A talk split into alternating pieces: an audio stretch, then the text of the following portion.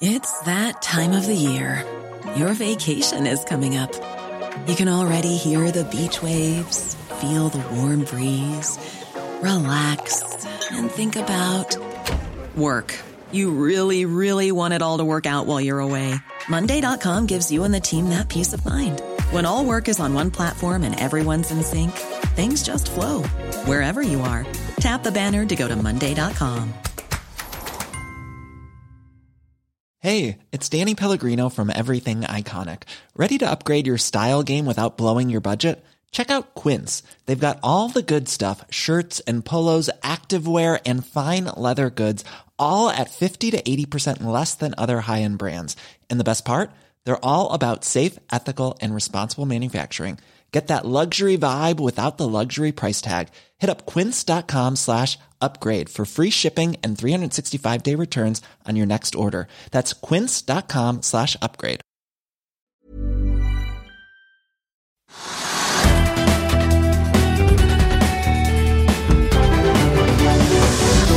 Hei, velkommen til Økonominyhetene. I dag skal vi ha teknisk analyse av Aksaktor.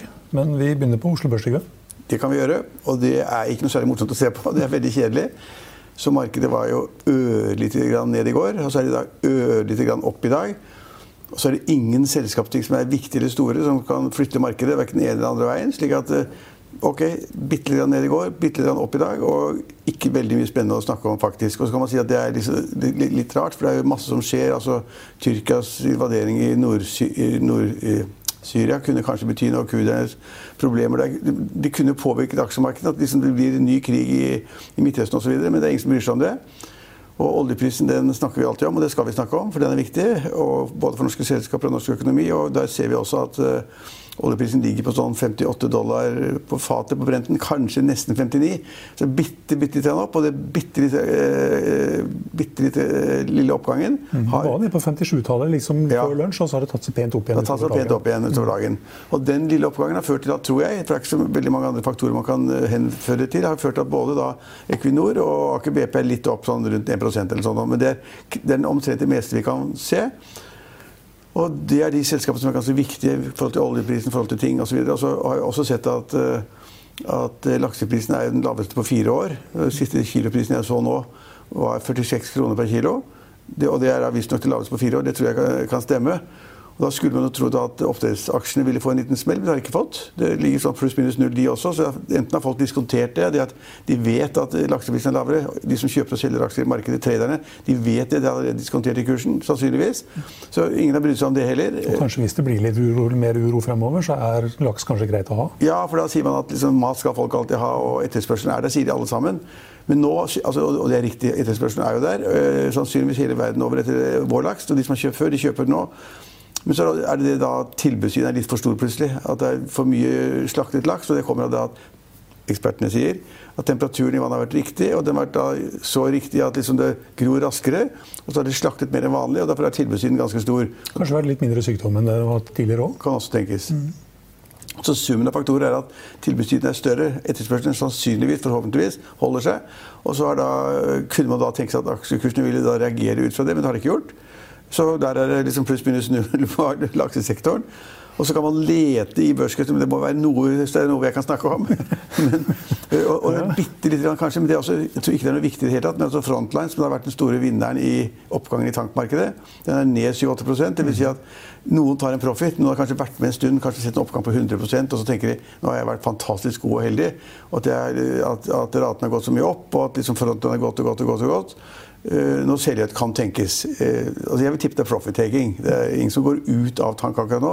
De fleste er med, for de regner med at de dryppene som kommer på nyhetsmeldingene på Finansavisen NO osv. Om, at, om at ratene stiger og stiger, og at liksom, for stortank så er da liksom ratene oppe i 100 120 000 dollar per dag. Det er ganske mye for, bare for noen måneder siden eller uker siden. Så tank er det man vil sitte med, men allikevel er da liksom tank en av de taperne. da, det er noen som tar profit. Og det, det samme er samme er på Men LNG også har vi litt det samme Der også tikker videre oppover? På LNG? Ja, ja, akkurat i dag tikker det også oppover mm. for de LNG-selskapene. Ja, så, så, man må jo lete for å finne, altså, man må spørre seg om er det liksom noe som holder, er det bra eller viktig, er det underliggende analyser. Og det samme Hvis man leter, da, så finner man at tomler er ned. Ikke mye, 2-3 Og Det skyldes jo da at det kom i går eller i år, så kom det da en analyse fra et utenlands sånn analytikerselskap eller meglerfirma som da har vist seg å ha suksess tidligere med å finne de verste selskapene i verden. Der som bare alt kan gå ned. Og de hadde av alle ting funnet Tomra, som er et bra selskap. Mm. Og så hadde de satt den på en liste over da selskaper eh, Du får korrigere meg eller eh, utfylle meg, men da en liste over selskaper som var bare over Sorgen, og som de regnet med ville gå ned. Og de hadde en portefølje fra en tidligere tidspunkt hvor de aksjene hadde plukket ut da, som var bare Sorgen, de var da alle sammen var gått rett ned til Sorgen. Og ja, Porteføljen med disse aksjene har falt 77-78 ja. eller sånt over ja, ti år. Eller ja, ja, så, det, så, de fikk da plutselig en sånn record på da, at de var flinke til å plukke da, disse aksjene. Men Tomra er jo et bra selskap. Men det som, er, det som var problemet med Tomra, det tror jeg vi snakket om faktisk for et par måneder siden, at det er altfor høyt priset i Norge. Så det var en 60 ganger på multiple eller sånn da. Ja. Ja, ja. på 60? Ja, ja. men altså, det kjøper ingen i Norge aksjer til. Det gjør man kanskje i USA, hvis man blir litt sånn ja, Hvis man skal ta noen sjanser og litt sånn eh, ekstatisk så kan man kanskje i Amerika, men i Norge, hvis du kommer med et selskap med en PE på 60, så får du ikke solgt aksjen. Så den er litt ned, og det er da ikke overraskende. Den kommer kanskje til å gå mer også, slik at den tilpasser seg det norske markedet, hvor den er. Men nå har den jo faktisk også falt 30% siden juni. da. Ja. Men, 30 altså. Ja da. Mm. vi har jo snakket om det lenge, vi. da. Jeg husker ikke når sist vi så, så, så på det, og jeg sa det, at den er altfor dyr. Det har du aldri sagt, Alt, alltid sagt, ja. ja, det er kanskje, ja da. Jeg tenkte kanskje at det var en stund så var det bare blikkbokser. Putte inn en colaflaske, og så to colaflasker. Så, så ble det jo også et, sånn, ikke bare et uh, panteselskap, men det ble et sånn, hva kalt, hva kalte de det? Ja, det er vel et Revin, re, altså, res, ja, Resirkulasjon eller re, gjen, gjenvinningsselskap. Ja, Sortere mat og finne diamanter og men liksom når vi skal lete etter aksjer når det er så liten reaksjon, da, altså pluss 0,1% eller noe opp, eh, så må vi lete etter de selskapene vi snakket om nå. og Der har vi noen selskaper og kan forklare hva som har skjedd. og Det er liksom det viktige for at man forstår hvorfor kursene går. Og så har vi da på den andre siden vinneraksjen er liksom Hidden Solution, som det er et skallselskap som vi har snakket om mange ganger. Som det er ingenting. Det har vært et selskap som gikk konk under, og så var det et selskap i gruppen som besto. Og så er det, det selskapet er absolutt ikke en penn eller en bag eller ingenting. Det er, det er noen penger i kassa. Eh, men da de som eier majoriteten, sammen med Øystein Tvenge selskapet, de da ønsker seg å få inn en rik eier som kan gå inn og kjøpe aksjene fra dem, og så bruke da Hidden Solution som et verktøy for å gå på børs i Norge eller få nye aksjonærer raskere enn de ellers kunne fått. Og det er vinneren på børsen. Kanskje får du med seg et underskudd òg? Ja, det, kanskje. Det er jeg ikke sikker på. Nei. Det tror jeg ikke. Men, kanskje. men, men iallfall så er, har den falt mye også, slik at uh, den vinneren er en oppgang på 20 og det samme er Doff, som jeg har snakket om gang, som er et offshoreselskap. Mm. Som også er vinneren, liksom, med 6-7 Men ingen vet hva som er igjen i selskapet. De skal reforhandle gjeld, De har uh, ny kapital inn. Det er helt håpløst. Så man går litt tilbake til den tid hvor vi snakket om Tidri. Liksom, hva ble igjen etter refinansiering? Hvor mange aksjer ble det? Hvor mye aksjer ble konvertert fra gjeld? Osv. Og ingen visste noe som helst. Og nå sier liksom at Sidri var en katastrofe selv etter refinansieringen. Og nå har vi det samme med Doff. Ingen vet hva det er verdt. Og så plutselig er det noen som sitter på et, et annet meglerbord eller hjemme og trader aksjen, så er den vinneren på børsen i dag. Det hjelper kanskje ikke at Møgster stiller opp med 200 millioner? Nei, jeg tror ikke det. Nei, det er kanskje ikke nok. Jeg skjønner ikke at han gjør det heller. Nei, det er en annen, en annen ja. ting. Mm. Han er en tøffing også. Så det. Nei, så hvis man leter altså Oslo Børs bitte, bitte litt opp, og ingen selskaper som betyr noe, som har beveget seg noe særlig. Bitte, Men vi har en morsom ting, da. Kahoot, som er notert på Merkur ja. i dag. Den, den, kan du ta. Den, ja. ja. det er jo sånn populært. Jeg vet bare at Jan Harden Andersen er sjøsaksjonær og har tjent masse penger. Ja. Det er populært og morsomt. Eh, sånn læringsspill, egentlig. Ja. Som er verdsatt nå til 5 milliarder. Men begynte det ikke som læringsspill for barn, og så har det blitt noe mm. mer, eller? Ja. Det kjøpt, kjøpt noen små selskaper, og de har gjort en veldig god jobb. Ja, Og så er den verdsatt til 5 milliarder. Mm. Og Jan Haudmann Andersen Han hadde aksjer for rundt 700 millioner. Ja, Så han tjent fem, da? eller sånn da? Ja, fire-fem eller sånn. Da har han råd til et nytt barn, da. Han får jo sitt, får sitt femte barn. Og sånn. skal, vi snakke, skal, vi snakke, om det, eller? Nei. Men da, da bør, han, bør, han, ikke vente på barnetrygden, da. Han har dekket alle ungene sine. nei, nei, men det er, altså, har fleipet altså, må kunne fleipe litt med det at en så kjent investor som gjør det strålende i et sånt selskap, at han da samtidig da kommer med en melding om at han da har fått sitt femte barn. Da. Det er lov, det er lov å nevne. Med sin fjerde ja, Det sa ikke jeg, det sa du. med sin fjerde kone. Eller fjerde, fjerde partner, da. Ja. Har ikke vært gift med alle sammen. Nei, men uh, Kahoot, ja, det var litt morsomt. Ja, det, er, det er morsomt. 600 millioner i Ja, så er det et læringsselskap. Ja. Altså, jeg husker jo, Det er jo helt, helt merkelig, men jeg satt og tenkte på det, jeg så den prisingen av selskapet, hva de drev med. Som jeg ikke er ekspert på. Men jeg husker da jeg lærte mine barn å regne og telle og skrive og sånn. Da hadde jeg en bitte liten sånn plastboks som var sånn derre hvor de lekte, kunne leke med en sånn kjempeprimitiv utgave av en datamaskin. ikke sant? Mm. De satt hjemme og så måtte de stave da, liksom, bokstaver, og så regnet sånn, så kom svaret med en gang. Og Det er forløperen Mm. til sånne hjelpemidler hvor du satt selv foran en PC eller et apparat eller en, hva det måtte være, og kunne regne, og, og så fikk du feil, prøv om igjen osv. Det var kjempesmart. Så det der, det der tror jeg veldig på. Mm. At man kan lære språk eller regning eller hva man ellers kan bruke det til. da. Ja, så, Og ledelsen har blitt gode- tilgodesett med en halv milliard Ja. i aksjer òg. Ja. Det, var, det, så det var den ene noteringen. Og så var det andre selskapet, det var jo Sats, som er i markedet da. Ja. De skal også på børs. De skal også på børs. og Norske Skog. Ja, og, og, og Sats, som da på en måte har vært kjøpt og solgt av de samme eierne en periode frem og tilbake, og sitter, er kontrollert av et sånn equity-fond, de har jo også fått en prising på 4-4,5 milliard. Det tror jeg er kjempedyrt. De, de skulle ut enda, tidlig, enda mer enn det, men jeg tror jeg fortsatt det er kjempedyrt. Tøff konkurranse, og det er nye studier på hvert hjørne. Og, altså det tror jeg er tøft. Men det er kjeden, da, så stor som det er, priset til 4-5 milliarder. Ja. Du kan ta med også da at eh, Telenor er eh, ned eh, nesten 3 men det har vi en god forklaring på. Det er forklaringen der. Utbytte fire kroner. Ja, akkurat. da. Det var en enkel forklaring. Nei, vi kan jo ta med, altså det er egentlig morsomt, Du var jo inne på, um, på Frontline, som er nede 8 Eh, Vi har jo hatt disse tankaksjene som har gått kolossalt de siste Ja. eh, ukene månedene. Hunter Group som er opp 60% og så har vi et annet et lite, som ser ut som har kopiert Hunter Group. ADS Carriers fra Arendal. Ja. Det er all time high i dag. Har de kjøpt noen nye, helt nye, kontrollert noen nye tankskip? da? Nei, de har tre tankskip fra 2002. Ja. Og så har de installert skrøbbere. ikke sant? Så de har, det ser ut som de har liksom hatt samme tankegangen. Som er- altså, det er mange som har spekulert i det tankmarkedet. Det har de gjort det siste halvåret, og det har gått bra. Mm. De, spe, de spekulerte i den der skrøbbervirksomheten. ikke sant? At man, masse skip måtte bygges om å få skrøbbere, som da skulle gjøre da at man kunne, med skrøbbere kunne bruke da en, en olje som da ble renset, og så ble det billigere enn da å kjøre med den gamle oljen. Tror jeg. Sånn omtrent det var. Og de, Ja, billigere med diesel. som Ja, ja, en tungdiesel. Mhm. Og, de, og de, så sa man da den gangen at hvis alle verdens tankskip skal få skrøbbere for å da på en måte da kunne drive billigere, det sa Fredelig også, så, øh, så må veldig mange skip ut av virksomhet mens de ombygges.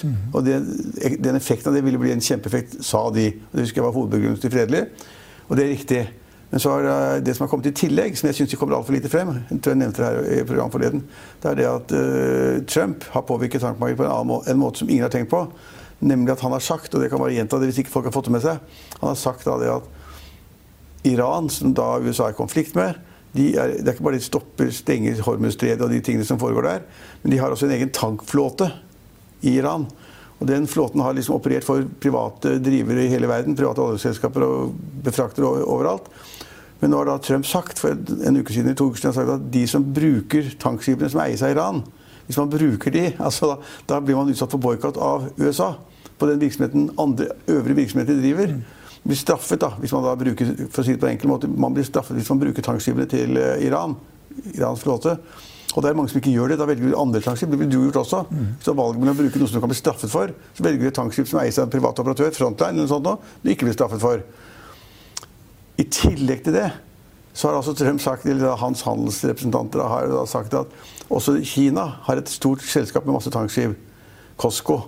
Og hvis da noen, du eller andre, eller Mobil eller SO eller hvem det måtte være, Statoil eller hva det måtte være, hvis de bruker tankskipene som eies av Kina, så vil de bli boikotta av USA på alle økonomiske områder. Og da, hvis man har valg mellom å leie et skip fra Kina, kinesiske flåten, eller velge Frontline, eller susmaktskipene til eh, Herbjørn Hansson, hva det måtte være, så blir, da velger man jo det.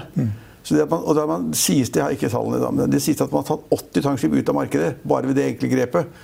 Og når det er blitt færre skip i markedet som da skal etterspørre tjenesten til Frontline og andre selskaper, og det lille du nevnte, så går ratene opp. Så jeg tror det henger sammen. Så hvis da det plutselig skulle bli slik at det blir fred i verden, alle var glade, og, alle, og sånn, og da USA sa at nå er det ingen boikott av tankskipene til Iran, nå er det ingen boikott av tankskipene til Kina, så ville markedet ramle sammen på ett sekund. Mm. Kanskje det, litt, kanskje det er litt det vi begynner å se konturene av. For Jeg leste på Finansavisen.no nå før jeg gikk i studio at nå har um, selskapet begynt å leie inn igjen disse skipene til uh, Costco. Oi, de har begynt å de tør det, altså. Ja. Mm. Kanskje de har fått et signal om at de ikke blir straffet allikevel? At kanskje Eller kanskje de tro- trosser Trumps uh, Ja, eller, eller det at uh, man tror det at Kina og USA blir enige om disse handelsforhandlingene som Mm. pågår opp og ned hele tiden. At det kanskje betyr noe, Men det, men det, er, det er en usikkerhetsfaktor. og Jeg tror ikke at markedet hadde gått så mye som det har gjort. Hvis det det. Mm. hvis det ikke hadde vært for det. Hvis det bare hadde vært uh, ja, vi, altså, ja, at skrubberne tar ut en del av kapasiteten. Og at det er flere i verden som da vil frakte olje. Men det er jo ikke. Altså, det er færre. altså Sannsynligheten for at det blir fraktet mer olje enn mindre olje enn mer olje, den er, den er større. Jeg så også disse Cosco-skipene som har da frakta for Iran, de har gått uten sånne transpondere. Det vil si at det har gått uten sporing. Uten sporing, ja. Det, der, Det er så litt skummelt. Det er litt skummelt. og Man kan jo faktisk følge et skip i verden med det systemet. Så, ja, så, så det, jeg synes det er gøy for de som har spekulert i dag, og jeg tror også veldig bra for Her- Herbjørn Hansson, som lå veldig ille ute med sine susmaksere. Aldri sett maken. han. Nei, nå, og nå sier han bare Se her, raten er doblet. Jeg er rik, jeg tjener 80 millioner i måneden. eller sånn, og er, Alt hele verden er forandret. Og det er jo riktig. Akkurat nå så er det faktisk at raten er gått opp fra ingenting til 70 80 90 000 dollar per dag for skipene hans. Men frontline, ja, frontline den faller 8 da, som kanskje pga. det som vi snakka om, Kanskje, eh, at noen har begynt å hyre inn en Koskos. Eller, eller at det er profit-taking. Ja, da tror jeg faktisk vi har kommet igjennom ganske mye. Ja. Uh, Vi ruller videre og tar en titt på ja, oljeprisen. Den var veldig nære 59 dollar sist vi så på den. 58,82. Ja, I Finansavisen i morgen så kan du lese Trygve Egners leder om konkursfare i landbruket. Du kan også lese om Carnegie-analytiker Mikkel Nyholt som anbefaler kjøp av en aksje som har falt 30% siden juni, og at godt arbeidsmiljø og gode kolleger trumfer merkevare når unge talenter skal jakte arbeidsgivere.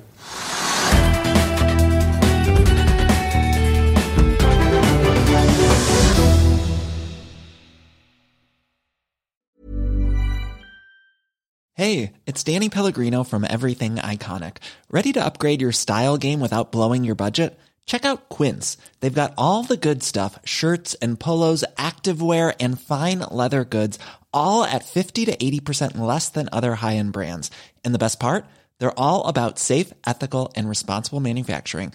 Get that luxury vibe without the luxury price tag. Hit up quince.com slash upgrade for free shipping and 365 day returns on your next order. That's quince.com slash upgrade.